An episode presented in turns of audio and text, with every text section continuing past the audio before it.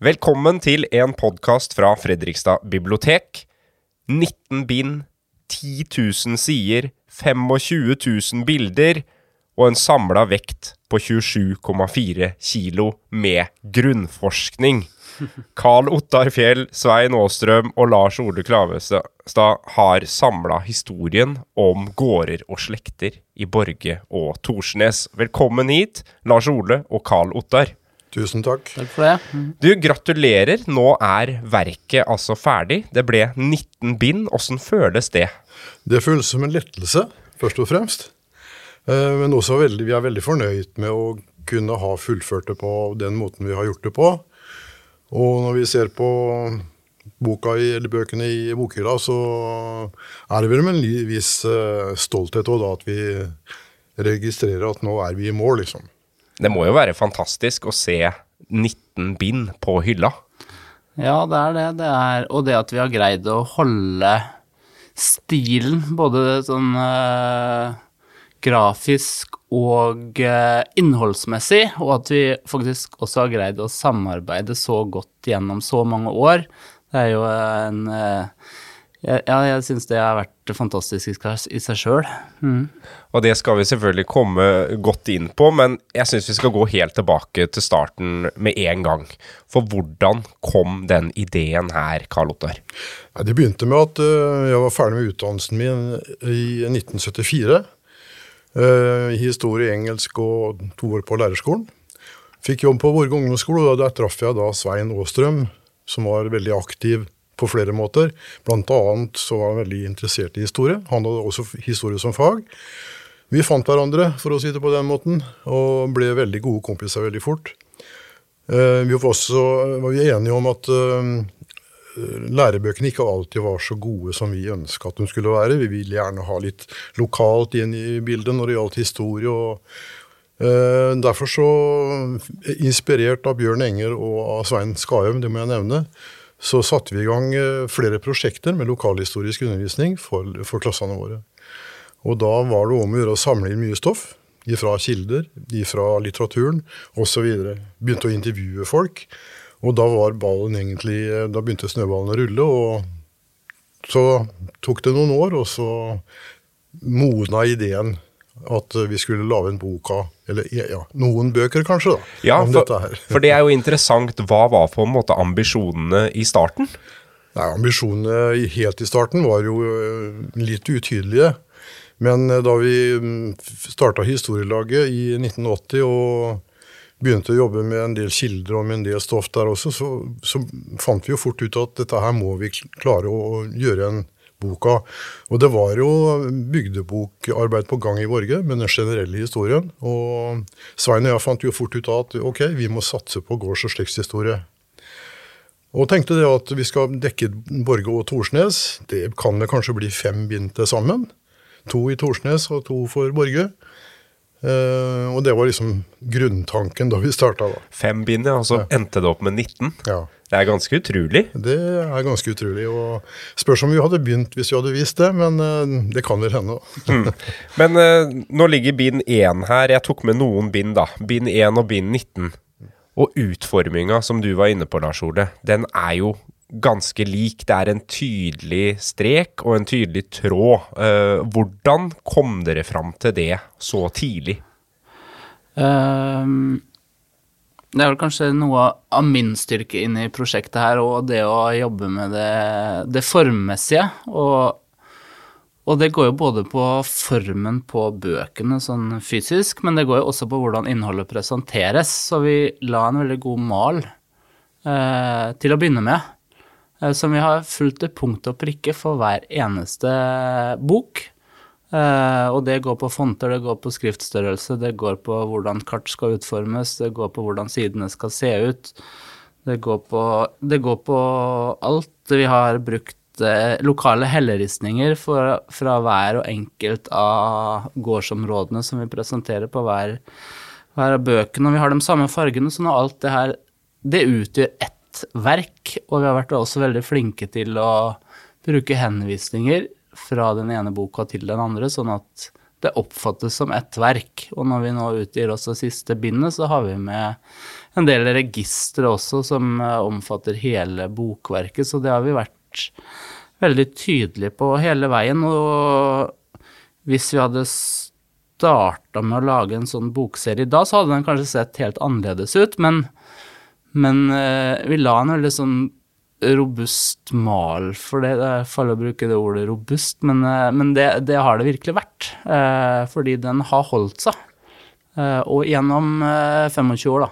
Mm. Det, er, det, er, helt utrolig. og det er som du sier, det blir jo en veldig helhet i det. Det gjør det. men, men, når man går tilbake til den datainnsamlinga dere gjorde, hvordan visste dere hvor dere skulle begynne, på en måte? Nei, når vi først hadde For å si det sånn, vi hadde først begynt å samle eh, både eiendoms- og personhistorie ganske tidlig.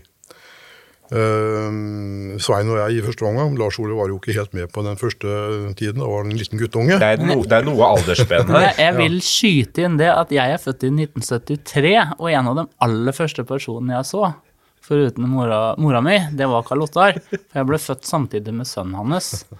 Så på St. Josef, så, det, så vi traff hverandre tidlig da, så jeg tenkte at det, det her må være en god samarbeidspartner. ja. Det var noe skjebnebestemt her. Ja, det var et eller annet her. Nei da, men eh, jeg hadde begynt å samle personhistorie da, og um, som regel så foregikk sånne ting på den måten at man brukte kartotekkort, som man, mange vil huske, antar jeg, av den eldre garde i hvert fall. Uh, kartotekkort som man skrev i en skrivemaskin, lite kort, ett kort og to gjennomslag. Det fikk de tre kopier. og Det måtte, da, måtte, man da sette i kassetter og sortere etter hvert man skulle ha det. Men det der, der ble for tungvint. Så jeg begynte å pusle med data allerede i 1981.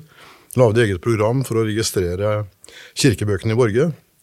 Jeg eh, gjorde det på en litt spesiell måte, kanskje, fordi at jeg valgte å bruke det som heter familierekonstitusjon. Dvs. Si at jeg registrerte alle innførslene i kirkebøkene i familier begynte med den første barnet som ble født i 1723, med foreldre. Og så bygde jeg da ut ifra det. Føya på nye familier, nye verdensborgere som kom til, og de som døde osv. Så, videre. så det, det, ble gjort veldig bevisst på at vi skulle ha dette som en sammenhengende og søkbar eh, registratur. da.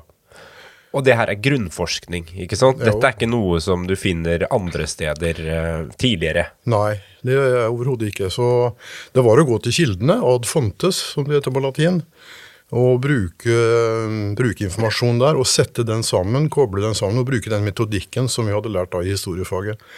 Og det var nok eh, det var nok ganske Jeg vet ikke om jeg skal si banebrytende, men det var ikke så veldig mange som hadde gjort det på den måten der, i hvert fall. Og vi brukte jo ikke bare kirkebøkene, men etter hvert så kom vi jo uh, til å bruke skifter, eiendomshistorikk, eiendomsregistre, i det hele tatt en mengde forskjellige kilder, som vi da inkorporerte i persondatabasen, samtidig som vi kunne bruke det stoffet til å lage eiendomshistorie osv. Og, og så har jo menneskene, da, for dere har jo også vært ute og preka med folk, rett og slett. Det har vi vært. Hvordan har det vært? Ja, det har vært veldig spennende. og dette begynte jo, altså, Svein og jeg begynte jo å intervjue folk på 80-tallet. Og da var jo folk som var født på 18, rundt 1890, kanskje. Uh, og første, uh, første lydkilden jeg har, er sånne gamle spolebånd. Uh, men så kom jo da den moderne tidsalder med kassetter. Det var jo stort. Og når det gjelder kassettene, så var Lars Ole også tidlig ute med å bruke det. da. Ja, Dere har jo faktisk med noen av de uh, gode, gamle kassettene. Jeg jo husker jo det godt, at jeg hørte på kassett der. Ja, nå hørte jeg faktisk at kassetten skulle bli moderne igjen. Ja. Uh, men det her er jo Det er kassetter. Vi, vi har vel intervjua mellom 2000 og 3000 personer. Uh, og det er ganske grundige intervjuer uh, som går liksom til verks i hver lille Jeg har også vært uh, opptatt av, av, det med språket. Hvordan, hvordan snakka stenhoggerne? Hvordan snakka folka som fiskerne? Hvordan snakka dem? Hvordan hadde de navn på alt? Og ord og uttrykk. Og det er jo det er jo noe som vi ikke nødvendigvis får med helt i bøkene, men, men vi har i bøkene brukt noe som vi kaller for kursivhistorier. Der vi har, for å bryte opp alt det her stoffet som er veldig sånn eh, skjematisk med slekt og eiendom og sånn, så har vi latt folk fortelle. Og det har vi kalt historie, eh, kursivhistorier, som har stått i kursiv. Og der har vi lagt den språklige formen opp, litt opp til hvordan folk, folka snakker, da. Men vi har ikke skrevet det på dialekt, men vi har gitt det den muntlige formen. Og det er jo øh, utskrifter fra de her opptaka. Og det Vi har jo nå intervjua folk gjennom tre generasjoner. Jeg, eh, når jeg nå var rundt og intervjua folk til den siste eh, bindet nå, bind 19, så var det barnebarna til dem som jeg intervjua på de kassettene her som jeg tok med her, som var fra, fra gårder og folk som intervjua rundt eh, 1990. Eh, så nå er det barnebarna. Så det har liksom gått tre generasjoner, og da har vi gått alt fra lydbåndopptak til kassetter. Tok med et par sånne minidisker. Og nå, de siste, siste fem åra, har jeg tatt opp en sånn iPhone, som har også gode eh, opptaksmuligheter på. Så, så det er jo eh, en, vært en stor sånn teknologisk utvikling òg. både når det gjelder lyd, og når det gjelder eh, data og internett og hele den biten der. Og jeg, jeg tror ikke vi kunne utgitt de bøkene her før internettet kom. Fordi vi har vært helt avhengig av også kunne ha en dialog mellom oss tre forfatterne daglig, eh, som har gått over nett, da. Bare en liten digresjon. Jeg har et uh, lydbåndopptak fra 1952 gjort hjemme i stua hos bestemor og bestefar. Der er også oldemor Anette, født i 1873, eller noe rundt, der- Hun uh, har da opplevd at uh, min onkel Odd han hadde kjøpt seg lydbåndopptaker, tatt opp når hun snakka, og da blir hun helt fælen. Og så sier hun det at ja, men ingentingen kan snakke. Og eh, det må være rene trelldommen, dette greiene her. Carl sier jo til han bestefar. Så liksom det, det sier jo litt om spennet her. Også min oldemor, mine barnebarns tipp-tippoldemor, eh, har vært med på noe, og bidra med noe også i disse bøkene her, med sin egen stemme. Og det forteller jo litt om hvor viktig dette her med den teknologiske biten har vært også, da. Ja. Og da kan vi jo ta tak i litt uh, det som har skjedd på en måte i landskapet og i industrien også. For det har jo vært en voldsom utvikling. Dere viste jo et bilde av uh, den første som hadde grav... altså traktor, eksempel. Ja. Eh, altså, den, hvor, den, den aller første traktoren i Østfold, faktisk. Et- Det var i 1918, tror jeg, som kom til Torsjø herregård og til Kalnes. Eh, så, og, og 1918 det var det faktisk året det gikk over fra å være Smålendet til å bli Østfold. Eh, så den, den utviklinga Og det, det som var før traktoren kom, med hesten, da var det et helt annet landskap. Eh, og det landskapet har jo forandra seg veldig. Da var, det, da var det masse små løkker som hadde sine navn. Uh, Ute på sjøen så var det et helt annet fiske. Uh, de hadde vatrekk og, en, uh, og alle fiskeplasser, og, og, og, det var så mye mindre forhold. Men da bilen kom, så, så beveger vi på en helt annen måte. Og før så gikk jo folk til nærmeste huset eller nærmeste gården for å finne seg en kone. Eh, nå kjører vi til andre siden av jorda. Eh, så det har jo forandra seg helt, det, der. Eh, men det skjedde jo en veldig eksplosiv utvikling eh, 1860-70-tallet. Hvor en begynte med stenhogginga, sagbruka og tegleverka. Og så mye annen industri som var knytta opp til at en fikk kraftverk i Sarpefossen, og en fikk liksom mye større muligheter. Og, og det der har jo gjort det at bokserien ble så stor også, fordi vi var bestemte oss veldig tydelig at vi ville eh, gjenspeile hele det samfunnet som vi lever i. Og tradisjonelt i Norge så har jo sånne gårds- og slektshistorier knytta seg til bondegårdene og bondeslektene. Holdt på å si de som originalt bodde der. Ja, og, Ja, og, og det har jo aldri nesten eh, blitt tatt med arbeiderkulturen. Men her nede, så Det er jo en så viktig del av vår identitet. Men, men hvordan avgrensa dere det da? Ja, øhm, tenk, hvordan tenker du på avgrensning? Nei, jeg tenker på tids... eh, Altså, du skal jo Ja, begynne, du skal begynne et sted, og så må du jo sette et punktum et eller annet sted. Ja, Av rent praktiske hensyn så satte vi et punktum når det gjaldt øhm, etablering av nye tomter 1960. Så alt etter 1960 er ikke med når det gjelder nye tomter. Øh, Når det gjelder eksisterende eiendommer før 1960, og det er blitt gjort utvidelser der, så har vi med dem. Helt fram til nå, da. Så, Og, og helt fram til nå. Vi tar med, tar med selvfølgelig personhistorie, slektshistorie, så langt vi klarer. Men vi, vi har ikke kun tatt med de store byggefeltene, f.eks. på Begby, Torsnes og i Kjølbergskauen osv. Men en interessant ting med det hele, hele bildet her er jo at Borge har utvikla seg gjennom veldig mange år. da. Um, vi husker på at vi hadde bl.a. to store herregårder. Nes og Torsø. Det var jo en eh, konsekvens av at vi kom under Danmark, ikke sant. Så den kulturen der ble brakt inn. Um, og Haflund ligger også like i utkanten. Ja. Hafslund er i utkanten, og Hafslund har vært en veldig viktig, en viktig del av Borges historie, fordi at Hafslund eide veldig mye av spesielt Nordre Borge. Da. Men så hadde vi da, etter at adelen og, hus, og, eh, og herregårdene utspilte sin rolle på en eller annen måte, så kom uh, nyrike inn, gjerne kjøpmenn osv., uh, som kjøpte opp disse store eiendommene, og så eh, hadde de behov for arbeidsfolk osv. Og, så og så kom jo da 1860, 1850, 1860 med den industrielle revolusjonen her nede. Og så har jo da samfunnsutviklingen gått videre etter det, og vi har prøvd å gjenspeile mye av det gjennom eh, både de gamle kildene og med beretninger som vi har funnet fra samtiden for 100 år siden f.eks., og fram til, til disse intervjuene som vi har gjort sjøl, og det vi har funnet i litteraturen. Da. Og det har jo vært en utrolig eh, interessant eh, reise på, på alle mulige måter. Og så må vi også nevne nærheten til Fredrikstad, som ble anlagt i 1567. På mark som tilhørte det gamle Åbygget skipperede, som var navnet på Borge og Torsnes i gamle dager. Og det å være bynært det hadde jo en viss betydning for bøndene som skulle ha avsetning for sine produkter osv. Så, videre. så det er mange aspekter som vi kommer inn på i løpet av, av den historikken her. Men hvor, hvor langt tilbake kan vi spore på en måte folk og, og slektshistorie i det området?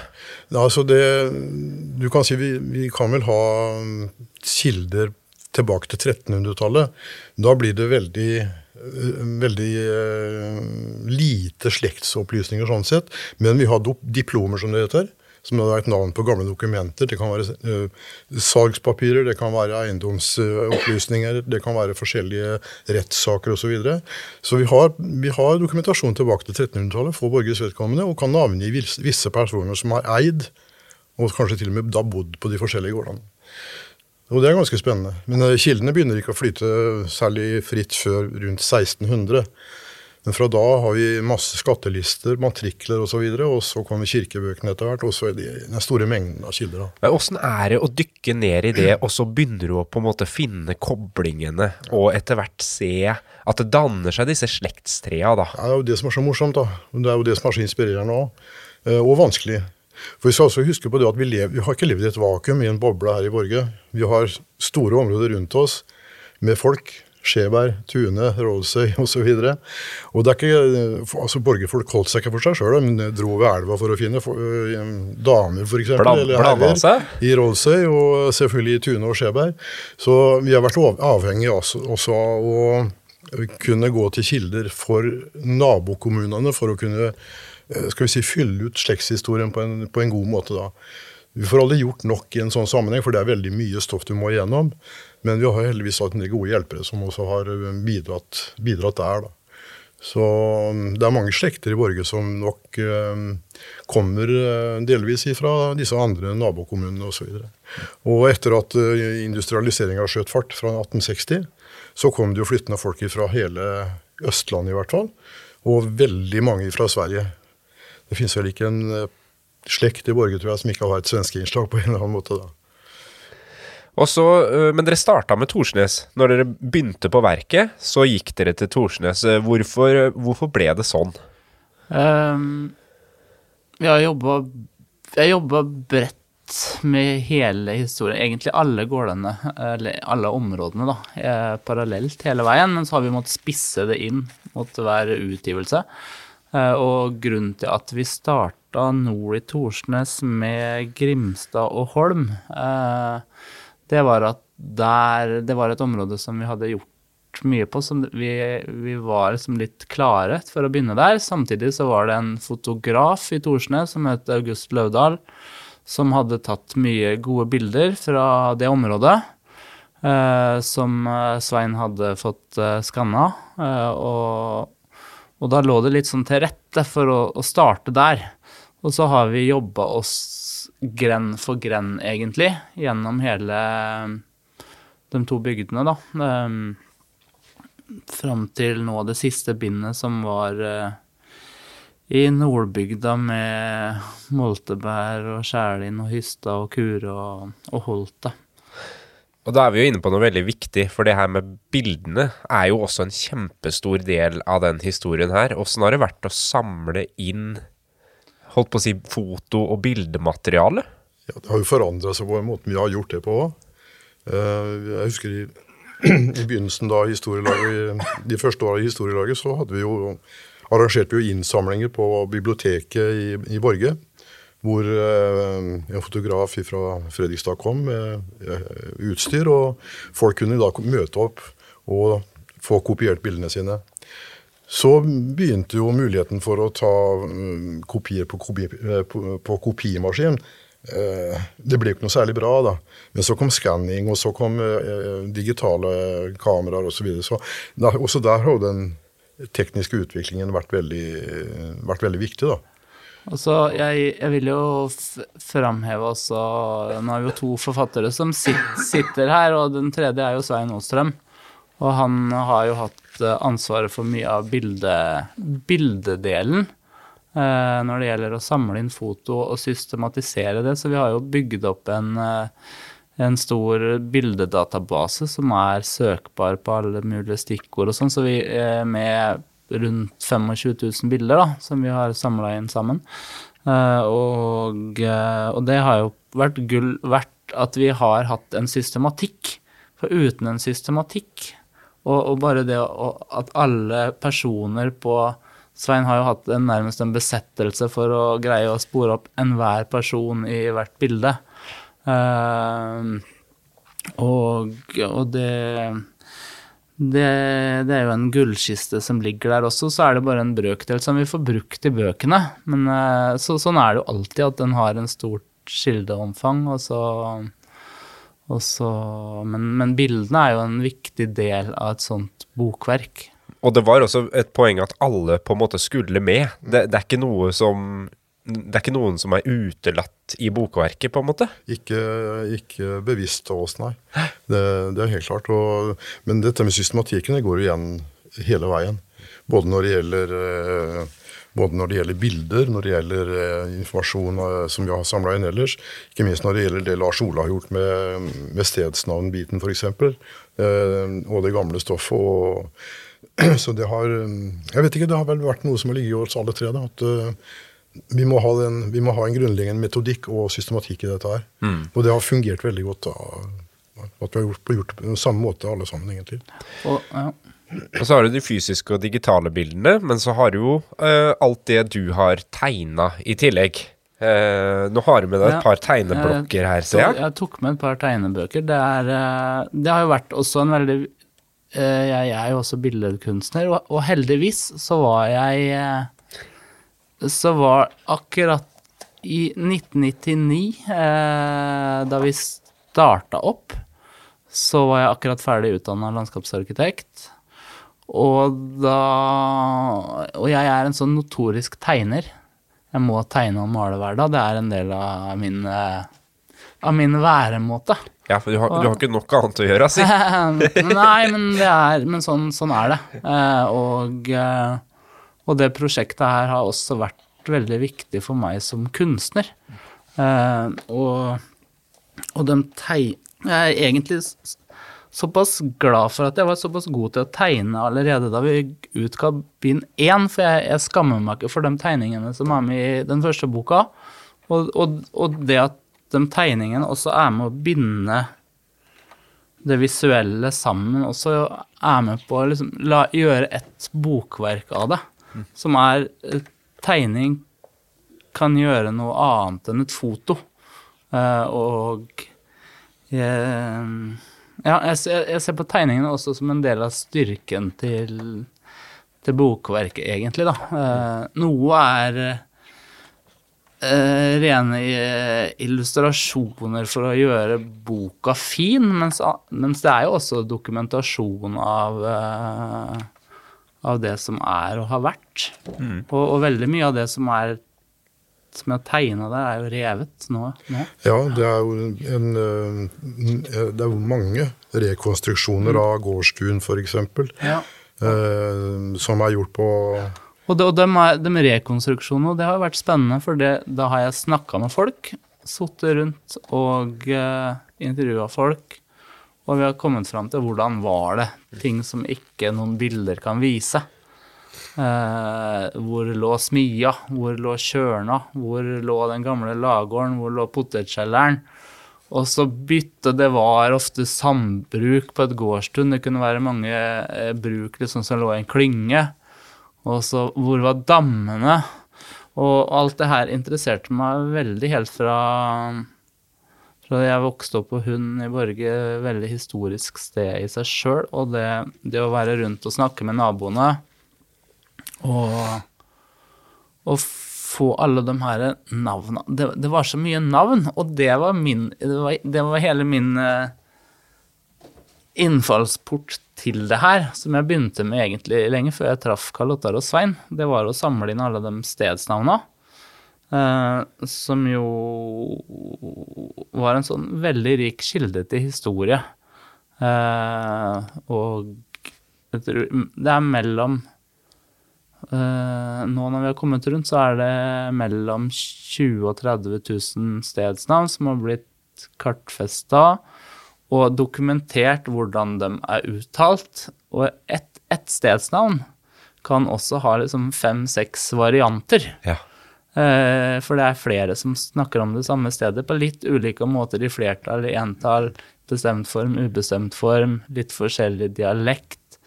Eh, og, eh, og så har vi også fått dokumentert folketradisjon rundt alle stedsnavna. Og også forska i hvorfor heter det det egentlig, rent språklig.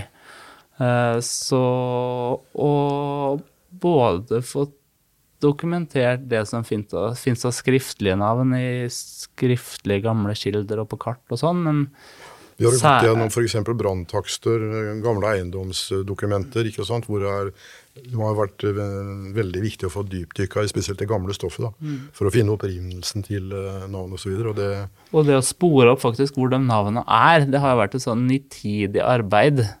Og noen sånne rekonstruksjoner jeg kan ha brukt det som to måneder på, bare for å finne ut av én liten ting. Ja. Eh, men, eh, men jeg har hatt den der innstillinga til det, eller det har vi alle tre, at det, det her skal vi greie. Og så løser vi det ofte i samarbeid òg, med litt sånn detektivhjelp med å krysskoble kilder og Ja, og der òg er vel landskapet på en måte ofte med å gi mening til de der små kuriøse stedsnavna som kanskje dukka opp litt folke, på folkemunne. ja, det er helt klart. Og eh, hvis vi ser på disse tettbygde strøka, sånn som Selbakk og Torp og osv., så, videre, så finnes det jo stedsnavn der også som oppsto etter at industrialiseringen hadde satt fart. ikke sant? Og det er også veldig interessant å få dokumentert. da. For da var det helt, andre forutsetninger for grunn til å sette en dame på stedene. Og det blir jo da dokumentert veldig godt. ikke Ja, sant? jeg, tenker, jeg tenker bare i Torsnes, hvor hele Torsnes er pulverisert som et stort stenbrudd. All, alle de stenhoggerne, det var 300 svenske stenhoggere som var i, kom utenfra inn i et uh, område, begynte å jobbe, og de satte navn på alt. Det var navn på alle brøtta, det var på stenveiene, det var Alt fikk sine navn av en helt ny befolkning som kom. Og, og, og, og det, er, det, er, det er så mye spennende der. Det, og når de har forsvunnet, så forsvinner jo navnene. Vi har ikke brukt for dem lenger. Eh, Så det har vært en veldig viktig jobb, har jeg følt. Og, og landskapet endrer seg jo, og tar jo også bort noen av navnene. Hvis Ja du tar bort en svær sten, så ligger ikke Kampesten på Torsnes der lenger, på en måte. Nei, ikke sant. Og jeg bor jo i Kjølbergskauen. Og da jeg, var, da jeg vokste opp, så var jo Kjølbergskauen bokstavelig talt en skau. Ja. Det er ikke lenger. Der er det, der er det bygd ut alt som er. Men vi har jo fortsatt minner etter navnene der oppe. da. Blant annet Danseplan. Fantastisk flott navn. Der dansa da folk til trekkspill og fele antageligvis. og fant vel på både det ene og det andre i tillegg. Eh, Det navnet er jo borte. altså Stedet er jo der ennå, men det er jo bebygd. ikke sant? Og folk, I folkebevisstheten så finnes jo ikke det navnet lenger. Så jeg er litt irritert over at ikke det, den gata som går rundt Danseplan, at den heter Danseplan. men, mm. men sånn er det jo med veldig, veldig mange av stedene vi har beskrevet òg, at stedsnavnet er blitt borte i bebyggelse og så videre, annen, annen utbygging. Men er vi litt for dårlige til å, håpe å si, bevare historien vår? Jeg syns det. Ja. For den kan bevares på mange måter. En måte er å gjøre det gjennom navn. Bevare disse gamle stedsnavnene, for de hadde en betydning i samtiden. Forteller en historie. Og det er altså Det vil være borte om noen år. og Det samme har vi med et, eh, disse rare navnene vi hadde hjemme i Kjølbergskauen, som Rullebær f.eks. Det finnes jo sikkert flere steder. Eh, Det høye fjellet. Vi er i Østfold også, det var kanskje 15 meter høyt. Eh, Men, eh, men sånt noe er litt eh, Jeg, jeg syns det er viktig å ta vare på det. Det, det forteller litt. Og, Forteller mye om tida som var da. Ja, absolutt. Ja. Vi gjør det, og det, vi, vi, vi gikk mye kortere avstander. Og vi hadde behov for å Når bare folk gikk til skoleveien, så kunne det være 15 navn langs skoleveien. Og hvis en ganger opp det med alle som gikk til skoleveien så, Men et stedsnavn bør jo gjerne være brukt av flere enn én person. Men, eh, men, men en helt essensiell ting i det her er jo at vi tre som har vært forfattere her, pluss Og så må vi også nevne at vi har hatt med to medforfattere på noen av binda. Inger Torbjørnsen på den binda som gikk på Torp og Moum, Odd Martinsen på bind 16 som gikk eh, på, på Vesten. Eh, men vi som forfattere vi har hatt en veldig god kjennskap til det området vi har jobba med. Eh, helt i detalj. Både sånn fysisk landskapet, men vi har også en veldig stor bekjentskapskrets med mennesker som vi vet hvem vi skal snakke med, hvem som har gode kilder. Og, og det, er, det har vært helt essensielt at vi har kunnet kjenne det landskapet vi jobber med så godt, ellers så hadde det aldri blitt den samme kvaliteten på det. Så er det at Vi har jo hatt gode relasjoner med alle vi har snakka med, egentlig. Har vært veldig positivt innstilte folk som har hjulpet oss på alle mulige måter. og Det er, det vi veldig takknemlige for, for det er, det er ingen selvsagt ting, det heller.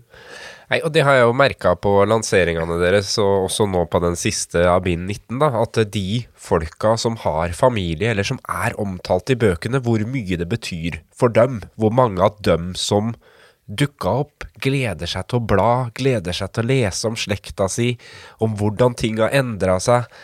Det betyr virkelig noe for folk, det verket her. Ja, det virker sånn, og det er jo det, er jo det som er betalinga vår, holdt jeg på å si. Så øh, det har vært utrolig, utrolig givende altså på alle måter. Og jeg vil si nesten oppdragende òg, ja, fordi du, du treffer folk som, som lærer deg ting altså, hele tiden. Og det, det skal vi ta med oss i, oppi alt dette her. Så dette er en dugnad fra flere enn oss tre, for å si det sånn. Det gjelder et helt, øh, helt grend, altså, eller helt bygd. Ja, man er jo avhengig av at alle på en måte legger korta på bordet da, og er med. Og, og det er jo også et poeng her. Alt det dere har samla inn, all den grunnforskninga, alle de persondetaljene. Åssen bevarer du det, Karl Ottar? Nei, det er jo et spørsmål, vet du. Og for å si det sånn, til å begynne med så var det papir. Ja. Men eh, det har jo gått uh, mer og mer over. Personlig får jeg si at jeg har digitalisert Jeg tror alt jeg har fått av dokumentasjon på papir, har jeg digitalisert. Pluss at jeg har fått en masse e-poster osv. Eh, digitalt. Men mitt arkiv nå er i, ja, til 99 digitalt. Eh, veldig mye av det er registrert skikkelig og kan søkes i. Eh, veldig mye av det er registrert eller skrevet i f.eks. Word eller PDF, med PDF-filer og kan søkes i. Så alt dette her ligger til rette for å finne fram i. Eh, men det, det er klart at vi er jo også i den situasjonen at vi har et riksarkiv som har lagt ut utrolig mye på, på nettet gjennom Digitalarkivet. Det er jo som å ha det hjemme i stua for meg, da. Om jeg sitter og jobber på min private Mac, eller om, er, om jeg søker meg på Digitalarkivet, så er jo altså resultatet blir det samme. Jeg får tak i det jeg skal ha. Eh, så for meg så ble det en naturlig utvikling, for jeg hadde ikke plass til mer papir hjemme i huset mitt, forsto jeg. Og enten kunne jeg da bygge på, eller så fikk jeg finne, fikk jeg finne en annen måte å gjøre det på. Men eh, nei, jeg begynte å jobbe ganske tidlig med EDB, da, som det het på den tiden, IT. Og har benytta meg både av det som verktøy og nå etter hvert som lagringsmedier. Jeg, som en liten digresjon der òg, jeg har rydda opp i CD-er og DVD-er med backuper. Tidligste backupen jeg fant, var 2001. Det var da en komplett backup som fikk plass på én CD. Det hadde de ikke gjort i dag, altså. Så det er også blitt en veldig utvikling der. Um, og det har vært spennende. Og veldig nyttig Det er jo helt, et, helt utrolig materiale. Åssen vet dere på en måte hva dere skal ha med i boka og ikke?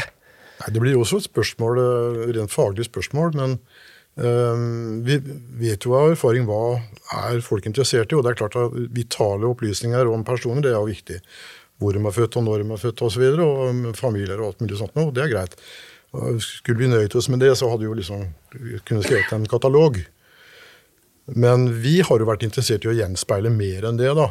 Og Derfor har vi også tatt med mye om personene i den grad det er mulig å finne det, og i den grad folk ønsker at det skal skrives. Eh, vi har brukt mye avisintervjuer osv. for å finne eh, opplysninger om gamle personer, om tidligere personer, som kan gi, gitt liv, gi ganske mye liv, egentlig, til, eh, til, fremstillingen. Men det å velge der, det blir jo da en sånn redaksjonell sak som vi må ta nesten underveis. For hvis det er to personer som har omtrent identiske fortellinger, så behøver vi ikke ta med begge to, liksom. Men uh, det blir hele tiden en vurdering som en, som en må ta på rent faglig uh, grunn, egentlig. Husker du den første personen som du på en måte fant, om vi kan si det sånn, i kirkeboka, eller Ja, ja altså jeg begynte jo å pusle med slektsforskning ganske tidlig. Men ikke fordi at jeg var så veldig interessert i det sånn sett, men jeg var interessert i sammenhenger. da, og eh, Den første personen som jeg mm, kan huske at jeg fant fysisk i kirkeboka, det var jo foreldrene til min eh, tippoldefar. Han het Johan Hansen VL, han kom fra VL i Torsnes. Og da jeg fant han i kirkeboka, det, det var jo den første jeg lette etter òg, for å si det sånn, så var det en sånn aha opplevelse som var ganske sterk, egentlig. Og når jeg da i tillegg kunne finne opplysninger om den familien der som måtte selge gården sin på VL og flytta til Vaterland osv., og, så videre, og en haug med brødre som ble spredt over hele distriktet. Når liksom det begynte å manifestere seg, så ble det skikkelig interessant. Og da var det også da jeg kunne se disse sammenhengene mellom samfunnskrefter, om vi kan si det på den måten, eh, og personlige, personlige historier. da. Og det blir interessant. Og på den tida her så går jo du, Lars Ole, rundt og er en 10-11 år og tegner kart og holder på og har begynt, begynt liksom å utforske landskapet. Åssen eh, kom du liksom inn i prosjektet? Ja, det har vi tenkt på flere ganger. Åssen skjedde det?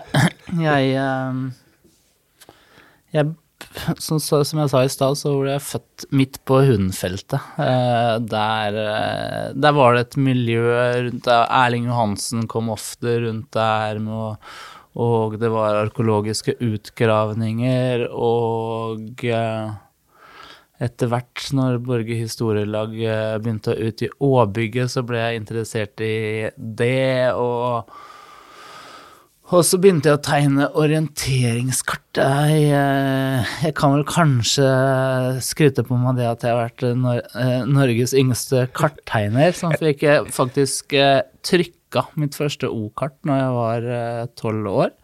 Og, og, det å ha en, en, sånn interesse for landskapet, og det å gå ut i skauen Og etter hvert så tegna jeg veldig mye orienteringskart og turkart og sånn. og Jeg har gått ut i skauen og tenkt ja, hva, hva, hva er det her for noe, hva heter det her, det her må jo ha et navn.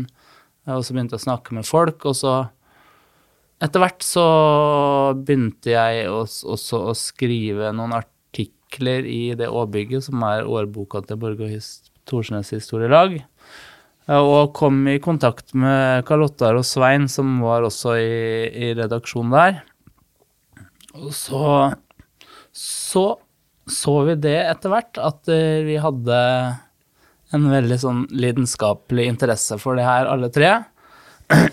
Litt, på, litt med forskjellige innfallsvinkler. Karl som var veldig opptatt av den, den eldste skriftlige kildene og, og, sette det her i sammenheng. Og Svein, som hadde en interesse for uh, for gamle bilder særlig, og også Han kom fra den bygda hvor det hadde vært mye stenhogging, og snakka med stenhoggerne og sånn, og jeg med stedsnavn og kart og arkeologien og den biten der. Og så så, så vi det sammen. Så kan vi få til noe, noe bra. Uh, og, og, og jeg, jeg, skjønner nesten ikke åssen de ville ha med en, en ung jypling på laget den gangen. Men, eh, men, det samarbeidet vi har hatt, det har vært eh, har funka superbra. Og, vi, og det har vært basert på en veldig tillit. At vi har jobba, for vi har jobba Det her har vært hard jobbing hele veien. I veldig, veldig mange år. Eh, og at alle må gjøre jobben sin, ellers så kommer vi ikke i mål. Eh, for de har nesten vært en årlig utgivelse av en bok på mellom 400 og 750 sider nesten hvert år eh, siden 1999. Og det har, vært, det et sånn kappløp med tida hele veien, for vi skulle brukt skulle vi brukt to år på hvert bind, så ville det jo tatt 40 år. Eh, sånn at og det her har jo vi vært litt sånn klar over. og og um, de gutta her har jo blitt eldre. Jeg, jeg, har jo også blitt det, men nå ble jeg 50, år, 50 i fjor. Men, men, det, men, det, er jo Skulle vi komme i mål her også, så har det vært, eh, så har det vært avhengig av at alle har gjort jobben sin, og at vi har stola på hverandre. Og det, og det, har vært så bra. Og så var det så var det jo Det her var jo også et initiativ fra oss sjøl. Det har ikke vært initiert gjennom kommune eller historielag. Det er ingen som har betalt dere for det her? Nei, det har vi Nei. gjort, som, det har vi gjort eh, på frivillig basis. Eh, og, vi har, eh, og, og, hvordan vi måtte organisere det, så måtte vi jo starte et forlag. Og eh, da starta vi jo Gyldenstjerne forlag i 1999, som har vært eh, basisen for det. Og eh, og det har vært viktig, og det har også vært en stor lærdom i å drive et firma. Vi har jo også utgitt en rekke andre bøker eh, parallelt. Og, eh, og da, da, går det jo alt fra finansiering, markedsføring, salg, kontakt med bokhandlere, presse Det er kjempemye greier som må til. Det er ikke bare å lage en bok, ferdig med det. Vi er ikke ferdig før vi har solgt bøkene, vi.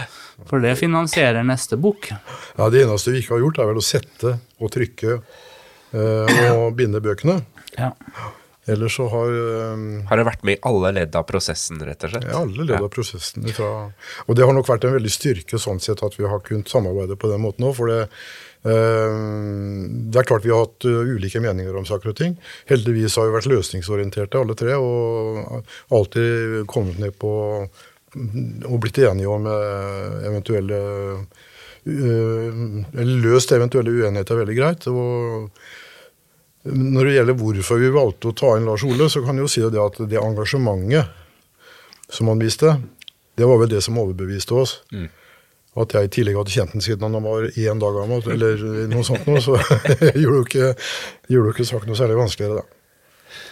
Så ja, det har vært veldig fint. Mm. Hva er det som har overraska dere mest eh, under arbeidet i prosessen? Det er vel kanskje at uh, nå, nå, nå, er jeg kanskje litt på tynn, tynn is, men jeg velger vel å, å si at det, det manglende engasjementet fra kommunen det mangler interessen fra kommunen. Nå skal vi riktignok sies at vi har fått uh, bevilgning, bevilgninger på til sammen 170 000 eller noe sånt, eller? Og så har de kjøpt noen eksemplarer osv. Men det har aldri vært noe sånn systematisk støtte eller eh, fra kommunen, og det har forundra meg litt. Eh, vi skal ikke klage på det. Vi har ikke gjort det heller, men eh, når du spør om hva som har forundra meg, så må det være det. Mm. Ja, for når prosessen på en måte har kommet i gang, og man ser at det er et vellykka historisk verk, da, og man kan liksom kategorisere det sånn, ikke sant, uh, så har det, for, de har ikke gjort noe endring. Nei, det har ikke det. Så, men for all del, eh, kommunen har mye å bruke penger på, og vi har forståelse for det. og Det er ikke noen vonde følelser fra vår side. Men igjen, dette med forundring, det, det ligger jo der. og Nå er jeg jo tidligere kultursekretær i Borgå, så jeg vet jo hvor trangt det kan være om midler til kultursektoren. så, så Sånn sett så skulle jeg kanskje ikke forundre meg, men jeg gjør det. altså. men det er jo vi, Med den kunnskapen vi sitter på, da, så er det jo Vi får jo daglige henvendelser fra alle mulige mennesker og eiendomsmeglere og historikere, andre som Jurister. Ja, ja jurister. Ja, alle, det, det, er, det, er, så mye henvendelser som vi besvarer, og fordi vi sitter på den kunnskapen vi gjør. Og det er jo en utfordring i seg sjøl. Jeg har mailvegring iblant, altså fordi jeg greier ikke Ja, ja men det er, det er um, det er liksom noe som følger med, da, med å med å sitte på mye informasjon. Mm. Dere har blitt eksperter på et område som veldig, veldig få egentlig har. Det er jo ingen andre som har den informasjonen. Nei, det er ikke det. Og det er veldig smalt, selvfølgelig. Men mm. Ja, og så skal han også tenke på at det, parallelt med at vi har jobba med det her, så har vi jo jobba med alle tre. Jobba med mange andre store prosjekter og bokprosjekter og sånn også, som som vi også sitter på mye kunnskap om. Så når du samler alt det der, så, så er det mange som, som, tar kontakt som tror at du kan alt. Uh, så, og, og, det å kunne besvare alt, det, det tar også sin tid. Men åssen har interessen for bøkene vært? Jeg regner med at det er litt sånn Det er vel litt opp og ned i løpet av 19 bind? Kanskje både for dere og for publikum, på en ja. måte, eller leserne? Og så har det også vært en stor utvikling i bokbransjen. Eh, det må man også huske når vi starta med Torsnes. Og det her var noe helt nytt og ferskt og sånn. Og i et bondesamfunn som hvor det er en veldig stedsidentitet, så kjøpte alle på gårdene kjøpte liksom fem bøker til hver av en av ungene og alt sånn. Og, og, og så etter hvert så flytta vi oss over i et tettbebygd eh, industrisamfunn hvor det ikke har vært tradisjon kanskje for å ha en bokhylle engang. Eh, og hvordan skulle en tilnærme seg dem å selge bøker? Det har ikke vært tradisjon for å skrive arbeider, eh, slektshistorie. Eh, så, og, og, etter hvert så har jo også hele bokbransjen endra seg. Det er eh, mye, mye færre som kjøper bøker. Hele bokhandlerne har forandra seg fra å være privateide til å bli kjedestyrt. Og så, så hele det der har vi også vært med på gjennom. Og de, de som begynte å samle bøkene eh, for eh, 25 år sia, som trodde en skulle ha hele serien, de er jo døde nå. Veldig mange av dem. Sånn at det, det, det, er, mange ting som har spilt inn her. Men, men det, vi, det vi har merka veldig bra, er jo at vi har fått veldig mye gode tilbakemeldinger fra folk i, i de områdene som vi har skrevet om. Det, det er jo vært liksom drivkraften vår også. At, vi, at vi, vi, vi, alle er avhengig av å få, få en uh, positiv feedback for å kunne liksom drive et verk videre. Mm. Ja da, det er riktig. Men uh, samtidig så vet jo vi av smertelig erfaring at det er fort gjort å gjøre feil.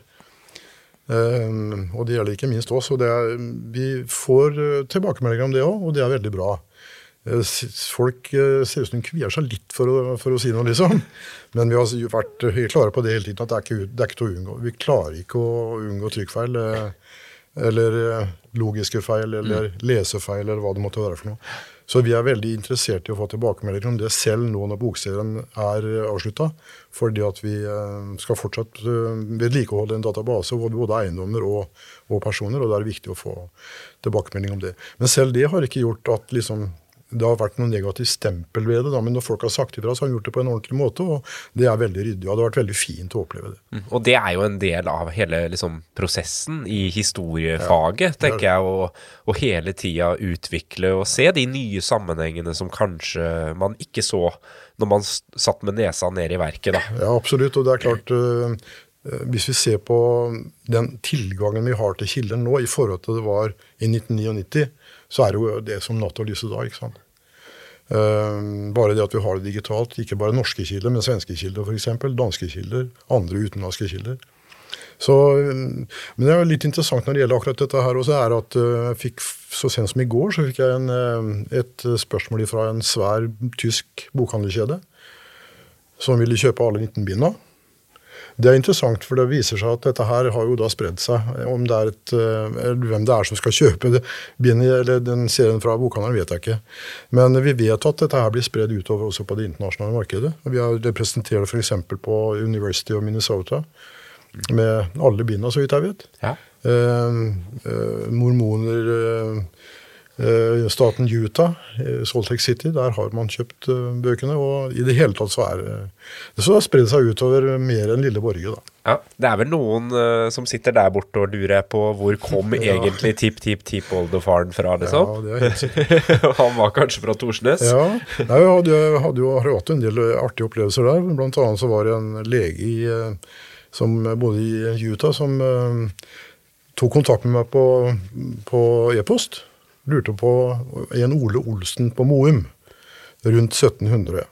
Og Ole Olsen på Moum rundt 1700 var ikke så veldig lett å finne ut av. Men eh, vi klarte å nøste opp i dette. her. Han hadde en del motforestillinger mot det jeg skrev til ham, men så klarte jeg å dokumentere det for han. Og han ble så ivrig at jeg tror jeg jeg vet ikke, jeg vil utveksla e-post i, uh, i 15 år, tror jeg. Og omsider så fikk han reist hit til Norge og kom og besøkte meg i Kjølbergskauen. og og han uh, var veldig ivrig. Fantastisk. Ja, Det er morsomt. Det er jo liksom noen menneskemøter som du aldri hadde sett for deg, kanskje? Absolutt. Ja. Jeg har lyst til å bare helt sånn avslutningsvis gå litt tilbake til på en måte helheten i verket. Jeg tror jo også nå, når det er fullført, at folk kanskje etter hvert begynner å skjønne litt mer omfanget og hvor helt eksepsjonelt det arbeidet dere har lagt ned, er. Det her er blitt Norges største bygdebokverk, rett og slett. Tror vi. Det, jeg, jeg kan nesten si det helt sikkert. Uh, det er i hvert fall ikke noe som ligner i hyllene her eh, på Frøysa bibliotek. Så, uh, men så har vi det her med å gå litt sånn framover og tilbake i historien, da. Og på, på bind nummer ni så er det jo helleristningene som er på forsida, og det går jo som en rød tråd. Mm. Uh, kan dere si litt om det som ligger der langt, langt bak i tid, og som på en måte har vært grunnlaget for det vi nå bor i. Ja, det er jo det, er jo det landskapet vi er, og her er vi jo Det er jo noen ting som øh, gir et sånn veldig uttrykk for det. Det er, vi, det er utløpet av Glomma. Uh, og, og, tidligere så het det jo Åmord, eller Åbygget, som var bygda, eller innbyggerne ved, ved elva. Eh, og, og, så er det granitten. Eh, den, er, den, er, her. Og så er det lera, lerslettene. Eh, og så er det noen sånne grusmorener.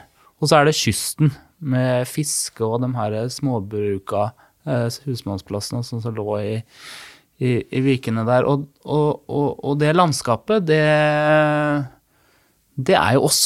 Vi hadde ikke vært oss uten det landskapet. Det er lera og granitten og plankene som ble fløta på elva. Eh, eller tømmeret. Eh, men hvis du går langt tilbake her, så og, og, og se på de første menneskene som kom hit, så tok de jo det landskapet i bruk på en eller annen måte. Uh, og det har vi også med her. Det, hver, uh, hvert kapittel starter med et uh, en, eh, en del om landskap og det arkeologien. Og vi har jo også gjort veldig mye funn der. Som har jo blitt dokumentert gjennom bøkene, annet veldig mye helleristninger, da. Eh, som eh, er i stor grad nyfunn, og det, det har jo vært spennende. Det var jo art, artig at selveste New York Times kom hit eh, for et år siden og, og var med faktisk ute og lette etter helleristninger i området her. Eh, og eh, og den liksom gåta rundt helleristningene. Men i, i, verket vårt også så har vi jo gjort det til noe visuelt, som, som et logo for, mm -hmm. for verket. Og, og, at vi har de her ulike helleristningene som er som en sånn grafikk også på omslaget og baksiden og, og sånn også. Um, så, som er ganske unikt for vårt område òg, tenker jeg. Sånn ja, det, det historisk. Er, det er jo det. Det er i i hvert fall sånn Hvis en tenker litt Det er jo Borge og Skjeberg og Onsøy. Det er jo liksom rundt, rundt men, men, mange av de helleristningene som vi har i Borge, er veldig vakre, sånn estetiske. Eh, og så er det litt sånn det er ingen som vet hva det er for noe heller. Eh, og det er jo litt spennende i seg sjøl. Det er jo utrolig å tenke på at det bodde folk her for så lenge sida. Mm. Og hadde ikke dere gjort den jobben dere har gjort nå, så hadde kanskje mange av dem som er i de bøkene her, vært glemt om 200-400-500 år igjen, ikke ja. sant? Jo da, det er helt klart. Så sånn sett så har det jo vært uh, veldig greit å få, få, gjort jobben nå. fordi vi har jo den situasjonen at uh, mange av informantene våre var jo den siste generasjonen som kunne fortelle om akkurat det og det. ikke sant? Ta f.eks. Selbakk-bruk, Torp-bruk, industrivirksomheten eller terdverksvirksomheten. Så vi har vært, uh, det var i grevens tid på mange måter. Og mange av dem som også har bodd på husmannsplassene, mm. som ikke gjør det lenger. Fordi, og jeg har tenkt på det, min besteforeldregenerasjon er kanskje den som har opplevd mest i liksom størst, raskest utvikling i hele historien, da, fra å sitte på hesten og drive plogen, til å sitte på internett på slutten av livet.